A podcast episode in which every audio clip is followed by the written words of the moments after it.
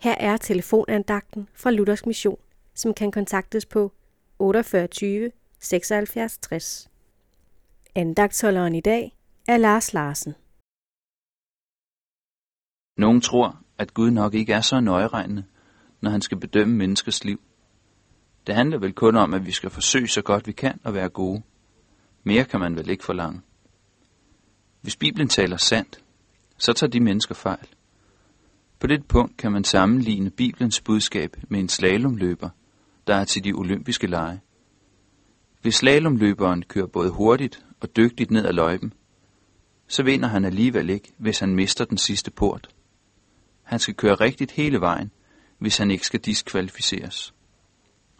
Det er på samme måde med os mennesker, når Gud skal bedømme os til allersidst. Enten skal vi kunne fremvise et fuldkomment liv, eller også bliver vi diskvalificeret. Sådan er budskabet til os fra Jakobs brev, kapitel 2, vers 10, hvor der står, Den, som ellers overholder hele loven, men fejler blot på et punkt, er blevet skyldig i dem alle. Så nøjeregnende er Gud. Han nøjes ikke med mindre end det fuldkommende. Hvis du blot en eneste gang i dit liv har overtrådt Guds bud, og ikke elsket ham eller din næste af hele dit hjerte, så er du diskvalificeret fra det evige liv. Derfor er din og min eneste chance, at vi lader Jesus bytte plads med os.